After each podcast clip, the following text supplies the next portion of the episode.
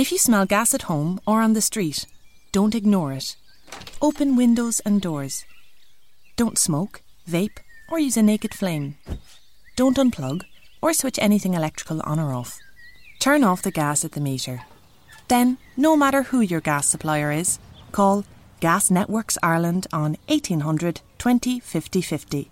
Visit gasnetworks.ie to screenshot the safety steps, save them to your device, and share with friends and family. Eh, og jeg skulle ønske at jeg kunne si i dag at ja, jeg er kristen, men jeg må nok svare litt nølende at eh, jeg skulle ønske jeg var kristen. Men eh, Å, rett på de store spørsmålene. da. Uh, her da. eh, jeg er jo selv født i uke 23.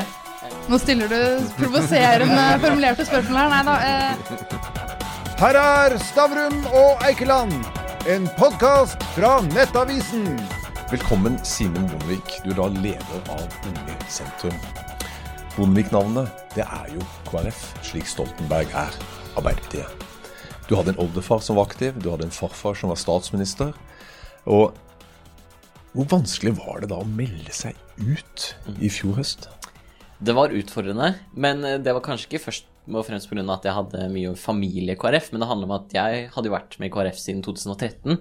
Eh, så jeg meldte meg inn på 13-årsdagen min i KrF.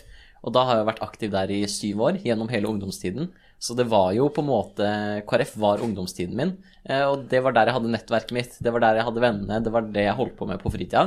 Eh, Så det var jo selvfølgelig vanskelig å bryte, men det kjentes eh, veldig riktig ut med tanke på den politiske utviklinga som jeg opplevde hadde vært i KrF over tid. Men hva er galt? Med KrF? Altså For meg så handler det om noen konkrete politiske saker. Det handler om klima og miljø. Eh, der man eh, tidligere så var man veldig opptatt av å fronte en grønn klima- og miljøpolitikk, mens eh, nåværende partileder har jo da uttalt at miljøbevegelsen er en trussel for det kristne menneskesynet. Det syns jeg er en rar konfliktlinje å tegne. Og så er det også hvordan man har sett at KrF har møtt saker som f.eks. Moria-saken, med hvor få flyktninger vi henter derfra. Eh, og det er en veldig utfordrende politikk retta mot LHBTI-personer, eh, som jeg syns det var veldig vondt eh, å måtte være med på et parti som forsvarte den type politikk. Men la oss da hoppe til sentrum. Hva er det som er verdisynet til sentrum? Altså, Sentrum bygger jo all sin politikk på FNs bærekraftsmål og menneskerettighetene. Det er utgangspunktet for utformingen av all politikk. Og innenfor bærekraftsbegrepet så har vi jo tre aspekter. Det er økonomisk bærekraft, eh, klima- og miljømessig bærekraft og sosiale bærekraft. Og vi trenger jo alle de tre dimensjonene for at vi skal ha en bærekraftig utvikling i samfunnet vårt. Og veldig mange, gode, veldig mange partier er gode på ett av de aspektene. Enten klima og miljø, eller sosialpolitikk, eller økonomisk politikk. Eh, Men jeg føler i hvert fall at det er ingen som har den kombinasjonen av de tre på samme måte som sentrum har. Men eh, Norge har jo tilsluttet seg både bærekraftmålene og FNs menneskerettigheter, så dette er vel noe alle er enige om? Det kan du si, men det handler også om den praktiske politikken man følger opp målsettingene med. Jeg mener jo at når man f.eks. åpner rekordmange nye oljefelt, som denne regjeringa gjør, så eh, lever man ikke opp til god klima- og miljømessig bærekraft. Em, og det er jo mange andre saker også som viser at man ikke har klart å følge opp de målsettingene man setter, f.eks. på klima og miljø. Uh, og også når vi bosetter eh, færre og færre asylsøkere, flyktningstrømmene har jo stoppa helt opp. Eh, Da mener jeg at Norge ikke tar det ansvaret internasjonalt, eh, som jeg mener man skal gjøre i tråd med menneskerettighetene. Når det gjelder oljepolitikken, er dere da eh, mot mer eh, leting? Eh, er dere for å bare stenge ned hele oljeproduksjonen? Ja, vi har en veldig konkret plan for hva vi ønsker å gjøre med eh, norsk energipolitikk, som jeg vil kalle det. da. Vi vil jo først og fremst satse på fornybar energi. Eh, det er det viktigste. Og så vil vi sette ned en oljekommisjon som skal planlegge utfasingen av olje- og gassvirksomhet på norsk sokkel gjennom en 15-årsperiode. Og eh, fram Stortinget forhåpentligvis vedtar at man skal slutte å bore etter eh, mer olje i Norge og lete etter mer olje, til den dagen man stenger kranen, så skal det gå 15 år. Og det er det forskere har sagt er det korteste forsvarlige tidsrommet å gjøre det på. Og da skal denne kommisjonen i løpet av den perioden legge en plan for hvordan vi kan skape de samme arbeidsplassene som i dag finnes i olje- og energibransjen, i andre fornybare energikilder. F.eks. Eh, vindkraft til havs, hvor det er et kjempepotensial og en stor industri som Norge bør eh, utnytte. Men har du reelt tro på dette selv? At det skal skape like mange arbeidsplasser eh, i løpet av 15 år som den utrolig lukrative oljebransjen har vært? Altså, eh, oljevirksomheten i Norge har vært viktig. Altså de har bygget opp velferden vår, og det er mange arbeidsplasser. Og jeg tenker at den utviklingen vi ser i verden, så er det jo en stadig mer satsing på fornybare energikilder og mindre olje og gass. Om noen år, hvem vet hvor lenge, så vil vi nok mest sannsynlig uansett ikke bore etter olje i Norge. På et eller annet tidspunkt. Hvor mange år det er, det vet jeg ikke. Men da mener jeg også at oljearbeiderne, industriarbeiderne, faktisk fortjener forutsigbarhet. Og det er det jeg mener vi gjør når vi foreslår å sette en sluttdato for olje- og gassvirksomhet på norsk sokkel. Vi gir dem forutsigbarhet, vi gir næringen forutsigbarhet ved å si at nå har man 15 år, eh, og så skal vi slutte å bore etter olje. Men det er ikke lang tid. 15 år, det går sånn. 15 år er en kort periode, så, men det er jo derfor vi ønsker å bidra aktivt inn med offentlige midler for å bidra til en god omstilling. Eh, og vi ønsker jo også å f.eks. avskatte leterefusjons, eh, leterefusjonsordningen som vi har i dag, eh, og heller innføre en lignende ordning for fornybare energikilder. Altså, og For å oversette det, da, så vil jeg ikke at staten skal ta risiko på utvikling og leting etter nye oljefelt. Det må oljeselskapene til selv, da. Ja, helt riktig. Eh, og vi ønsker at det ikke skal åpnes eh, nye, nye oljefelt, rett og slett, og heller da satse på fornybar energi i stedet. Men jeg er litt nysgjerrig på Én ting er liksom det å stoppe leting, det kan man jo vedta. Men de feltene som nå da på en måte er eh, i drift, hvor det står gigantiske investeringer på de, skal, etter 15 år så skal man bare slutte å produsere olje nå? Altså, Vi har jo også i programmet vårt at man selvfølgelig skal følge opp de juridiske forpliktelsene som følger.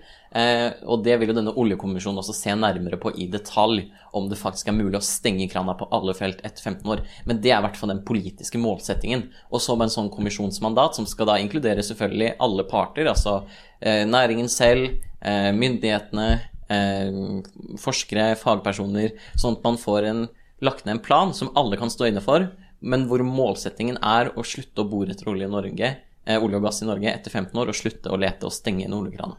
Noe av det som skuffa deg mest med KrF, var vel asyl- og flyktningpolitikken. Hvordan ser den ut for eh, dere i sentrum?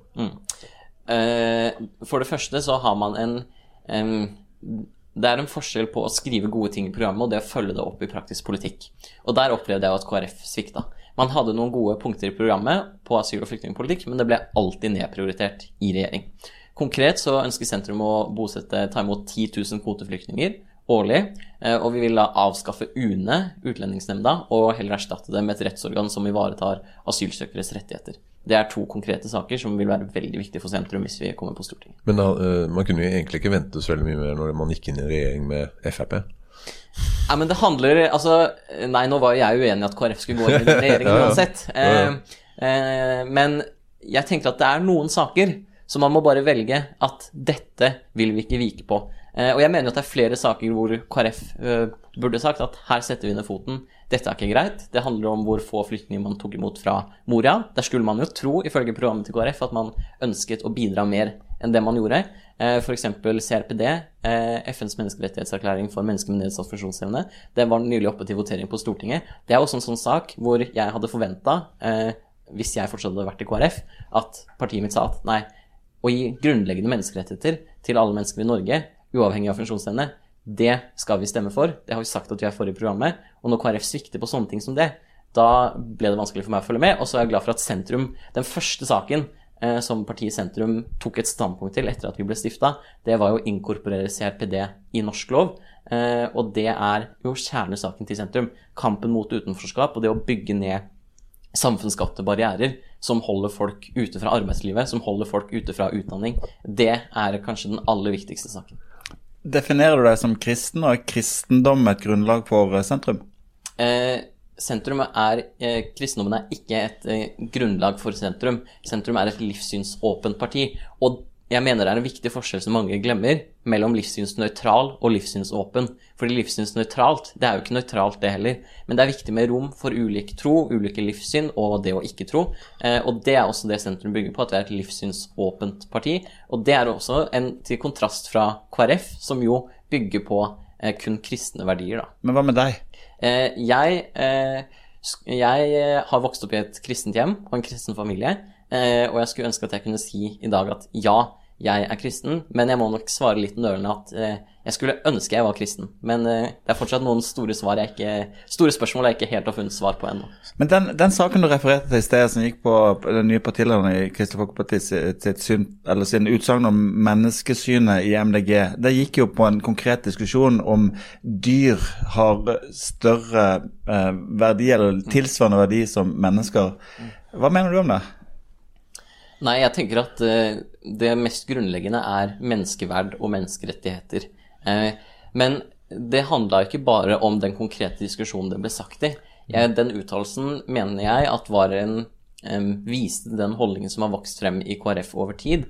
Eh, og uansett hva slags kontekst miljøbevegelsen er en trussel mot det kristne menneskesynet ble sagt i, så er det en uttalelse som jeg i hvert fall ikke kan stå inne for. Jeg mener jo at eh, derimot at miljøbevegelsen og eh, kristne verdier henger tett sammen. Det handler om å ta vare på skaperverket eller ta vare på jordkloden, uansett hvilke ord man bruker. Eh, så jeg mener at det egentlig er noe som bør gå hånd i hånd istedenfor å settes opp mot hverandre. Og så handler det også noe om hva slags konfliktlinjer man som partileder velger å tegne.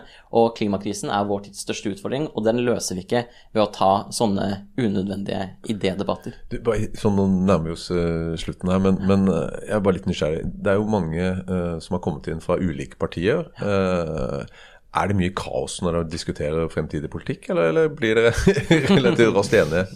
Nei, jeg opplever at vi er veldig enige om hvor vi vil, eh, og hva som er de viktigste sakene. Vi hadde jo vårt første landsmøte hvor vi vedtok et omfattende program.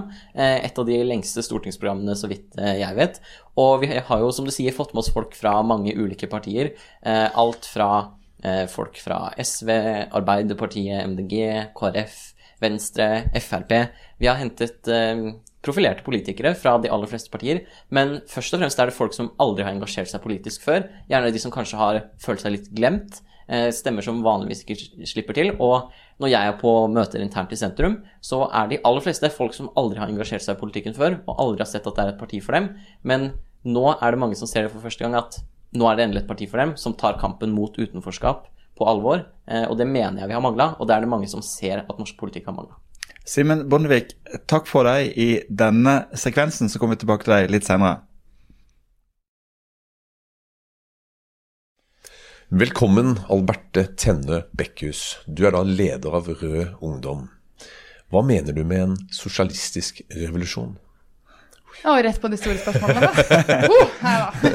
Når jeg snakker om en sosialistisk revolusjon, så er det snakk om en grunnleggende samfunnsomveltning vekk ifra dagens styresett, hvor det er mest makt til de rike, det er viktige avgjørelser og naturressurser eh, på en måte tas bak lukka dører til et folkestyre. Hvis jeg skal si det på den brautete måten, folkestyre over pengestyre.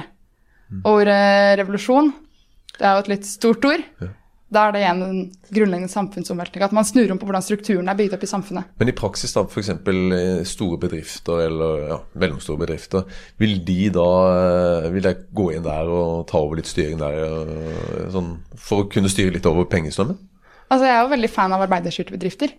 Og det syns jeg er kjempekult, at ansatte skal ha mer makt. Um, men overordna så mener jeg at i hvert fall de viktigste hjørnesteinsbedriftene bør styres demokratisk. Det som er avgjørende for samfunn, altså for lokalsamfunn, det bør ikke utelukkende være overlatt til, til pengemakt. da. Ok, si så, så på Vestlandet så er det da privat eierskap, for der er det veldig mange hjørnesteinsbedrifter. Mm. Så privat eierskap der vil med Rødt øh, bli øh, tatt over. Jeg husker begrepet 'tatt over' er et, et veldig godt ord. Um, men og så liker jeg ikke å si at det vil skje det og det med Rødt. Fordi det er så mange partier som sier at vi skal det her, vi skal det her. Så jeg, jeg tror ikke at Rødt og sperregrensa kommer til å føre til at yes, nå nasjonaliserer vi all industri, men jeg håper jo at det kan føre til mer demokratisk eierskap over viktig ressurs for samfunnet. Men la oss, la oss, eh, la oss begynne litt, eh, litt, snillere, litt, snillere, litt mer grunnleggende. Eh, Hvorfor valgte du Rød Ungdom? Det er en litt koselig historie, egentlig. Eller jeg kan starte sånn helt liten. Jeg har foreldrene foreldra mine, jeg har også med Rødt. Eh, Men da jeg var liten, så var jeg litt sta. Så de turte ikke snakke politikk med meg, for de var kjemperedd for at jeg skulle bli FPU-er. Så- men det var med på 1. mai og alle tingene der, ikke sant. Og så ble jeg litt eldre, og så fant jeg ut at ah, naturungdom er fin, Klimakrisa, den er litt skummel. Det syns jeg fortsatt at den er. Og så hadde jeg en 1. mai, og da hadde jeg egentlig gått med natur og ungdom. Og så visste jeg jo liksom at ah, ok, det er ikke bra med krig, og feminisme er kanskje en bra ting, og klima er viktig. Og den 1. maien så var det bare Da blei det den der røde tråden mellom alle sakene. Og da landa jeg på at jeg syns uh, Rød Ungdom er det som er best på å se helheten. Det er jo på en måte et systemungdomsparti, hvis det er mening. Man ser helheten, man ser på strukturene som ligger bak samfunnet, uh, og har en god kritikk mot dem, og da var det veldig naturlig å gå over dit, rett og slett. Hva, hva, hva er grunnen til at du valgte Rødt, Rød Ungdom og ikke MDG, f.eks.? Tør MDG å kritisere kapitalismen med orda? Det syns jeg ikke du gjør. Altså, MDG snakker jo også kritikk mot liksom, vekstøkonomien og ah, vi må ha mer rettferdighet, mer solidaritet. Men det jeg liker med Rød Ungdom, er at man klarer å si veldig mye av dagens problemer er pga. det økonomiske systemet kapitalismen, som er basert på evig vekst, utbytting av arbeidere, og at veldig mange andre problemer, være seg rasisme eller krig, hva enn, kan knyttes opp mot det. Og det syns jeg Rødt er tydeligst på. Men, men det norske samfunnet og egentlig skandinaviske modellen. Vi har det jo veldig godt, og det er jo bygd på nettopp at vi har klart å få til en god økonomi med privat eierskap som har tjent pengene, slik at vi kunne ha en bra og, og god offentlig sektor. Uh, du vil jo ha bort dette. Uh, er det noe feil her? Jeg kjøper ikke helt historiefortellinga di. For du sier vi har bygd opp et godt samfunn på privat eierskap. Jeg mener at vi har bygd opp et godt samfunn fordi at vi har hatt sterke stater som har begrensa kapitalismen. Begrensa det private eierskapet bygd opp en, eh, altså sterke statlige tilbud, altså alt fra helsevesen til eh, industri, alle tingene der. Altså sånn, vi hadde jo aldri tjent så godt på olja som vi gjorde hvis ikke det var for de ti oljebudene, som jeg ikke tror en blå-blå regjering hadde innført i dag, for å sette det på spissen. Så nei, jeg syns vi har bygd opp grunnen til at vi har så gode samfunn, er fordi at vi har bygd opp det på dette fellesskapet, som jeg veldig gjerne vil ha mer av. Men tror du at du hadde hatt like mye innovasjon med et eh, offentlig, kun offentlig eierskap enn eh, med et privat? Jeg tror vi hadde hatt mer. Jeg tror det er masse ideer som forsvinner i dag fordi at det er vanskelig å satse på det. Fordi at man ikke får tjent nok på det. Fordi at de som sitter på ideene, ikke har midlene til å gjennomføre dem. Jeg tror at vi hadde hatt mye mer innovasjon hvis vi hadde et enda bedre sikkerhetsnett. Altså, Vi må plage deg med, med forhistorien. Gjør det. gjør det. Ville du stemt for å beholde kommunisme i partiprogrammet? Ja. Hva legger du i ordet kommunisme? Hva er det for noe? For meg er det et klasseløst samfunn. Kort og godt et samfunn der det ikke lenger er sosiale klasser som har motstridende interesser. Og det er kanskje nøkkelen i eh, mitt verdenssyn, da, som ikke er det som alltid er lettest å kommunisere. Men jeg ser at man har Nå blir det sånn raddispråk. Det må dere bare leve med. altså, du har kapitalister ikke sant, som pga. hvordan kapitalismen er bygd opp, må gå i overskudd, må ta ut profitt, må vokse, må tjene mer. Hvor skal de pengene komme fra? Jo, f.eks. Eh, pga. det vil man da ha interesse av å ikke gi så god lønn, ikke korte ned på arbeidstida, ikke gi gode ferier osv. Og så ser jeg på andre sida at vanlige arbeidsfolk vil jo ha interesse av det motsatte. Altså, spør en hvem som helst person hei, har du interesse av å jobbe lenger, tjene mindre og dårlige ferier. Altså, men, men, men, jo, men, eh, litt tilbake da til klassisk, klassisk marxisme. Okay. Ja. Vi har revolusjon, vi får proletariatets diktatur. Eh, det er dårlig ord, da. Og du får, Eller folkestyre. Og du får motkrefter. Eh, eh, eh, skal man bruke makt for å holde på makta?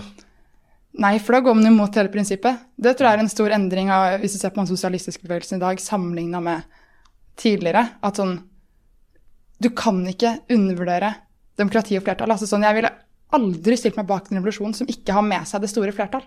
Jeg har ikke lyst til å bare snu opp ned altså sånn, Jeg har jo lyst til å snu opp ned på samfunnet og ha et mer rettferdig samfunn. Folkestyre og pengestyre, la det, la det, ikke sant. Men jeg vil jo ikke at det skal liksom bli innført Men så store flertallet ikke er med på det. Det går jo rett imot ideen om folkestyre. Men hvis vi ser historisk på det, da. Hvilke sånn kommunistiske styre og land har egentlig fungert? Er det noe? I praksis, da? I praksis, ja, da vil jeg peke på Rojava i Midtøsten. Eh, vi ser på Rojava og de kurdiske eh, kantonene, blir du riktig der. De bygger jo nå, altså mens vi snakker, liksom as we speak, bygger opp et alternativt samfunn som er basert på fellesskap, på at avgjørelser skal tas ikke på små møterom, men av det store flertall. Hvor du ser at de har i alle styrer så er det co-ledere, både mann og kvinne. I alle styrer skal alle minoriteter i regionen være representert. Hvor man går bort ifra konkurransen og over til en mer rettferdig økonomi. Um, så ingen av de store styrene som har liksom vært sånn 'Å, vi er kommunister'. Nei. Det har jo vært diktaturer. La oss være ærlige, folk har hatt det kjipt. Ja, man har hatt stor industrialisering, men til hvilken pris? Ikke sant? Mens vi ser igjen på Rojava, der er det. Det skjer i dag, da. Og de får det til. Nå bytter vi til Moss, Ja. der du kommer fra. Moss, elsker Vi Du skal holde appellen, valgappellen for ungdom i Moss. Hva er salgspitchen for Rød Ungdom? Å, det er mye, da. Hvor skal jeg starte en gang? Nei, da. Ungdom i dag er jo den første generasjonen på lang tid som vil ha det verre enn foreldrene sine. Det er vanskeligere å komme inn på boligmarkedet. Det er vanskeligere å få seg jobb. Vi har en klimakrise som liksom henger over skuldra våre, og forskjellene altså sånn, eh, er, større enn noensinne. Sist valgkamp var det 150 000 fattige barn i Norge, nå er det 115 000. Det har økt enormt. Um, og pga. det tror jeg mange unge kjenner litt avmakt. ikke sant? Hva skal man gjøre? Man ser disse enorme utfordringene og veldig lite vilje til å gjøre noe med det. Og der mener jeg at Rødt og Ungdom er et av de partiene med tydeligst løsninger. ikke sant? Altså, vi legger forslagene på bordet, da. Kommer inn på Stortinget og sånn, her er et forslag om å utrede gratis tannhelse. Vi vil innføre en tredje boligsektor som gjør det lettere å komme inn på boligmarkedet. Um, vi vil gå tilbake til statlig arbeidsformidling, som eh, kan sikre bedre arbeid til flere. da. Eh, så jeg tror det er den store salgspitchen. At sånn, vi er et parti som ser problemene, setter ord på problemene, og også serverer løsninger man kan tro på, som ikke er fullt av utrede, kanskje, muligens, potensielt, når vi kommer, la, la, la. Skal vi slutte å lete etter olje, og skal vi avvikle olja på et bestemt tidspunkt? Ja, jeg mener jo det. Både Rød og Rødt mener at vi må stoppe med all oljeleting. Um, fordi vi har allerede funnet mer olje enn vi kan ta opp. Det er ikke økonomisk smart av oss å fortsette å satse på en industri som ikke kommer til å være Altså, den er ikke bærekraftig. Og det kommer ikke til å være etterspørsel etter norsk olje om 10-20-30 år rundt om i verden. Ok, vi slutter å lete, men skal vi slutte å å produsere? Jeg mener at vi skal det. Der er jo Rødt og Rungdom uenig. Når da? Um, Rungdom krysser fingra for 90% ferdig innen 2030. Men, men, Denne eh, men alternativt eh, statsbudsjett eh, så vil det bruke 44 milliarder mer enn eh, foreslått fra regjeringa. Eh, 14 av de mm, på, altså, fra oljefondet og oljepengebruk, mens 30 skulle eh, komme fra økte skatter. Eh, hvor skal de komme fra? Altså, hvem, hvem får økt skatt? Ja, det er jo de som har mest, da. Jeg er ganske, altså Nå har ikke jeg tallene fra alternativt statsbudsjett i hodet, dessverre. Nei. Men eh, hvis man ser på Rødt sin politikk, da, så er det å øke frikortsgrensa. Ikke noe økt skatt for vanlige folk. Derimot, de som har mest, skal også bidra mest. Og for, eh, ja, i fjor høst var det vel, kom det en ganske slående rapport som viste at de aller, aller rikeste ikke bare er de mye rikere enn det vi trodde at de var, de betaler også helt sjukt mye mindre i skatt enn det vi trodde at de, gjøre, at de gjorde. Så det er jo der skattepengene skal komme fra. Folk som har tjent seg styrtrike på andres arbeid. Men, men eh, så, så eh, ønsker dere å, å kutte oljeproduksjonen med 90% innen 2030. Jeg er wrong, de ønsker det. Ikke. Jo, men det blir jo litt lavere inntekter, da. Altså, Hvordan skal man da klare å, å få i hop eh, den økte uh, pengebruken og med de reduserte inntektene? Oh, yeah, det, det er jo de vanskelige spørsmålene, da. Uh, og det her er en av de områdene der i hvert fall jeg føler at jeg ikke har de klareste svarene jeg skulle ønske at jeg hadde. Fordi uavhengig om du ser på Rød Ungdom sin sluttdato, Rødt sin stopp etter leting, altså Venstre altså Det er masse partier som har politikk på å fase ut olja, og vi må fase ut olja. Ingen av oss har det konkrete, klare svaret. Hvor skal de nye arbeidsplassene være? Hvordan skal dekke dekke inn det inntektstapet? Jeg tror ingen har et helt korrekt svar på det. Men det betyr ikke at vi ikke må fase ut olja. Men over til spørsmålet hvor skal de pengene komme fra? Jo, litt av det, litt av det er skatt, på en måte. Men jeg tror vi har lett for å tenke at vi har mye mindre penger enn det vi har. Altså Norge er vel noe sånn som opp mot liksom 70 milliarder kroner rent bort til skatteparadiser. Ikke sant? Hvis du får strengere regelverk på det, så kan man hente inn en del derfra. Hvis vi klarer å bygge opp grønn industri, um, så kan man tjene mye på det. Ehm, jeg tror vi kan dekke det. Det kommer til å bli utfordrende. Men hvis vi blir værende i en situasjon der vi ikke vil kunne dekke opp for på en måte tapte inntekter fra olja, så må vi også bare godta det, fordi olja må fases ut. Ferdig. Vi nærmer oss slutten på denne sekvensen, men jeg har lyst til å stille et spørsmål til slutt. La oss si at, eh, at Jonas Gahr Støre blir statsminister, og vi er på valgnatta, og Rødt kommer inn med ni representanter. Tror du Jonas blir glad eller lei seg? Mm. Fikk ikke han rødt på andreplass på valgomaten, da? Var ikke det en sånn ting, da? Så jeg tror han kommer til å fortsette å holde ansiktet sånn. Jeg håper at han blir litt glad innerst inne. Og så tenker jeg uansett, jeg driter egentlig litt i hva han mener. Jeg tror Rødt er veldig bra for norsk politikk. Jeg tror vi er skikkelig skikkelig bra for det. Både drar folk eh, i venstre retning, ikke sant. Altså sånn Herregud, vi stiller jo mistillit over en lav sko hit og dit og fram og tilbake, liksom. Eh, Jeg tror vi er bra for norsk politikk, både fordi vi stiller rett spørsmål, eh, peker på de utfordringene som folk kjenner på, og kommer med konkret radikal politikk, som kanskje ikke alle er enig i, men som jeg tror likevel er veldig bra at blir stilt og foreslått. Da setter vi punktum her, så går vi tilbake om en liten tid. Nice.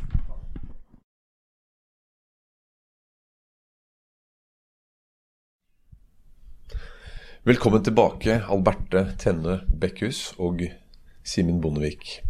Private aktører innen helse er bra, ikke sant, Simen? Ja, i hvert fall eh, ideelle aktører. Eh, og de tror jeg er et veldig godt eh, supplement til det offentlige. At man kan ha litt valgfrihet på akkurat det, det tror jeg er en veldig god ting. Hva tenker du på ideelle? Altså, eh, hvem tenker du på da? Altså ideelle aktører som bidrar inn i, inn i velferden og inn i Så helsesystemet. Norlandia-skjeden og sånt noe, det er ikke ideelt. Nei, men altså det, jeg tror det aller viktigste er jo Og vi er jo enige om at det aller viktigste er å bygge eh, et godt offentlig tilbud. Eh, men at det suppleres eh, litt med f.eks. ideelle aktører, eh, det tror jeg ikke er noe stort problem. Du, Albert, er, Jeg er egentlig helt enig. ja. Altså Tommel opp til ideelle aktører i velferden, altså om det er Kirkens Bymisjon eller andre som bidrar. Det er helt ok. Problemet er jo de kommersielle. Men hva hva, hva er så galt med å ha de kommersielle? Ganske enkelt det at velferd, helsetjenester, ikke skal være butikk. Jeg syns ikke man kan sammenligne de tjenestene med altså annen privat virksomhet. Eh, vi ser jo gang på gang at det blir satt ut store mengder, egentlig av fellesskapets penger, som går inn i lomma på eiere av private aktører. Man ser at det bidrar til et mer klassedelt helsevesen, der noen har råd til bedre tilbud, mens andre ikke har muligheten til det. Og det vil ikke jeg. Jeg vil heller bygge opp det offentlige fellesskapsbaserte helsevesenet. Det tror Men, jeg er det beste. men må du ikke ha noe å måle det opp mot? Altså det offentlige, altså Skal det funke over tid, så må det jo være effektivt og, videre. Men hvis ikke du har noe å måle det opp mot, hvordan skal du klare det? Jeg vet ikke om jeg helt kjøper premisset.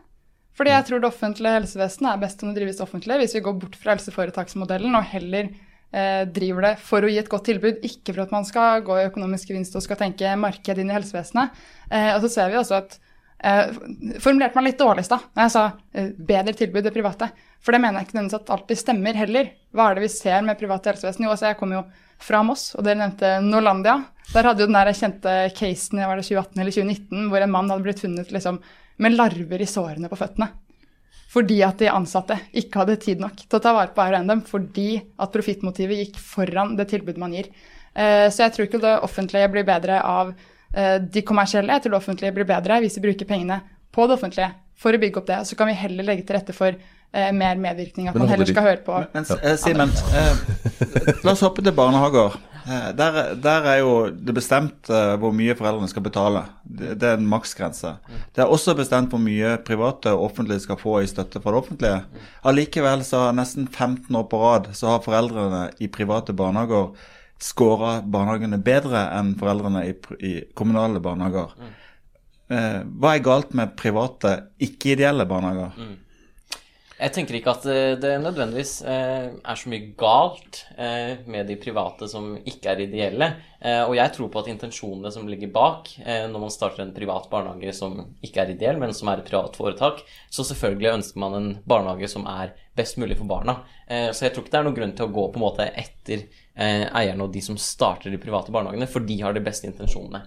Men likevel så tror jeg det er en styrke å jobbe for å styrke eh, denne offentlige barnehagen, da vi vet at alle barn har lik mulighet til å få det samme tilbudet, eh, uavhengig av hva slags pris man skal betale for eh, de ulike tjenestene. Og det tror jeg er en styrke.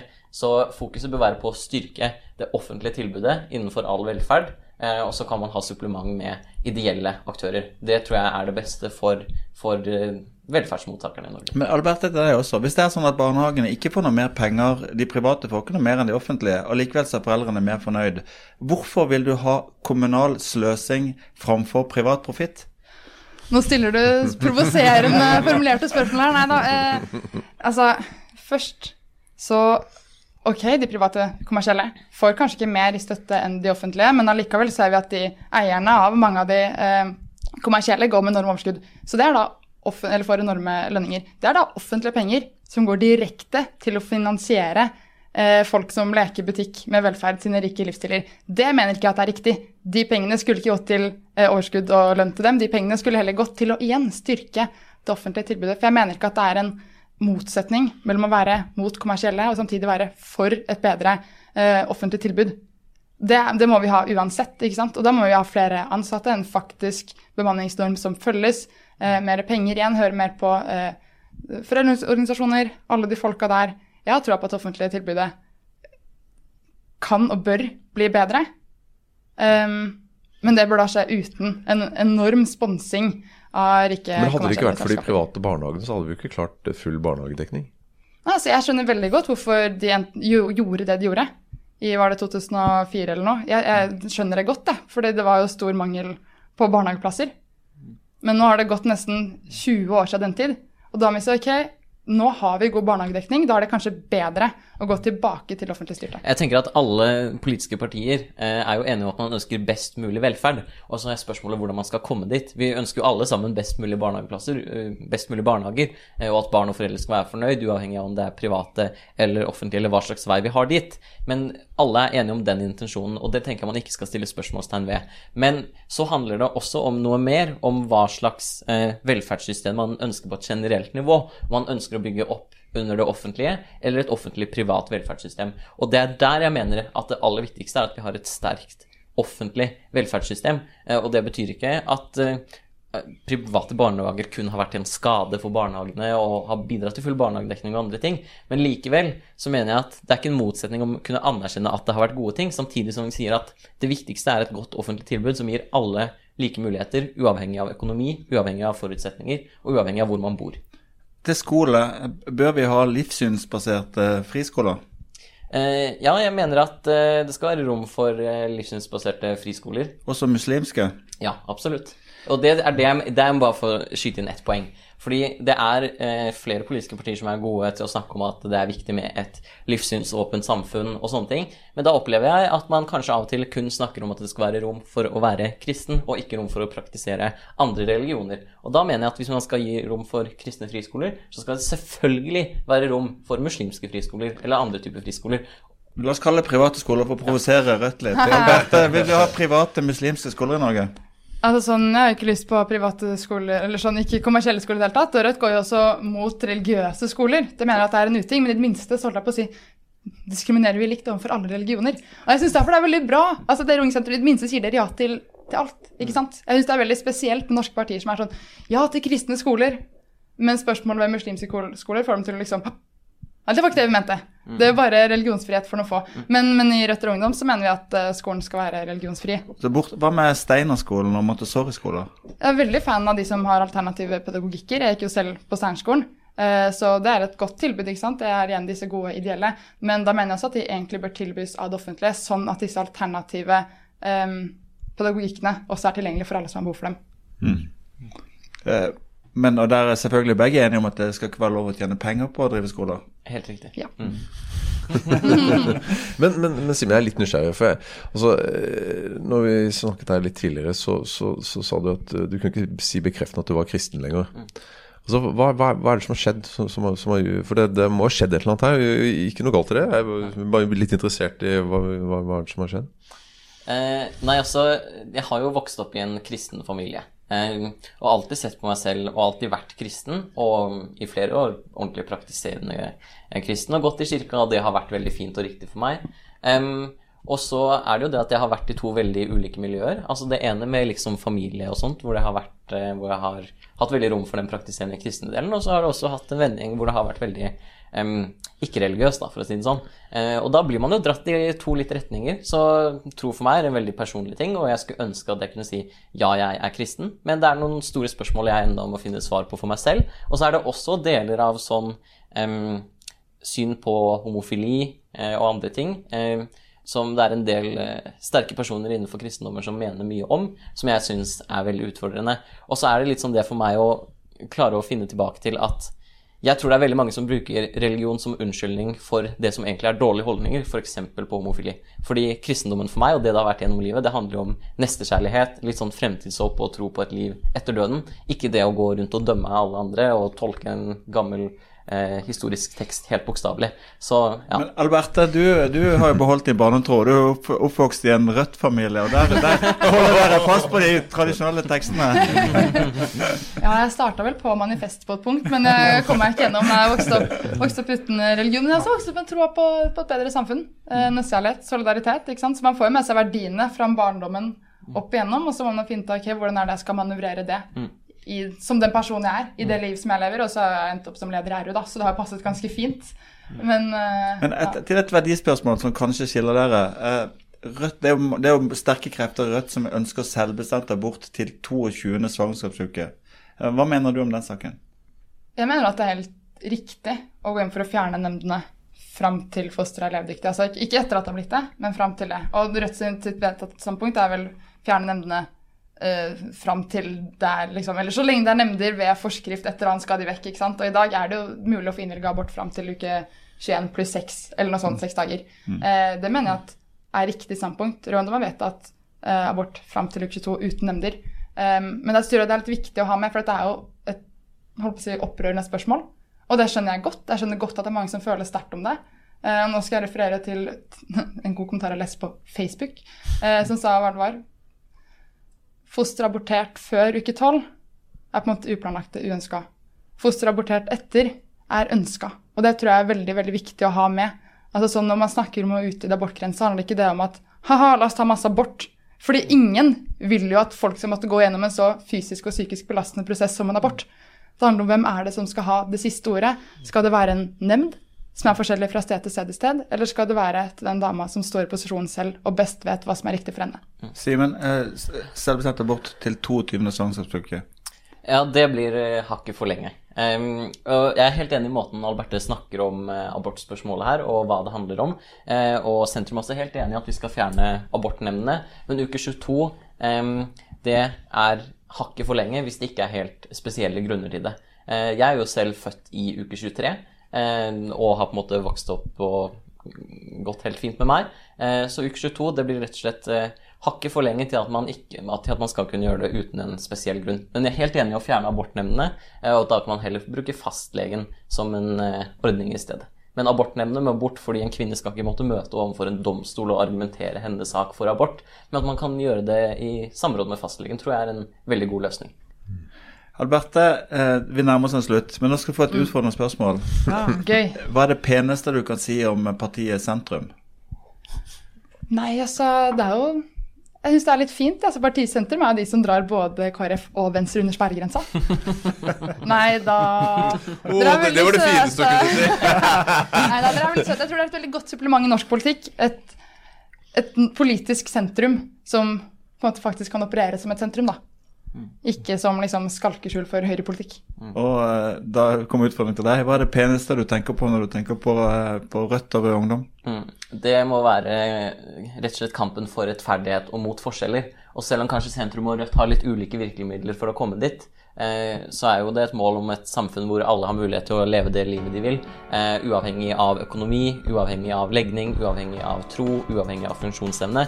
Og det er en målsetning vi deler, eh, selv om vi kanskje har litt uli- ulike virkemidler for å komme dit. Ok, jeg er enig med han. Jeg trekker tilbake det jeg sa. Du fikk Stavrum og Eikeland, en podkast fra Nettavisen.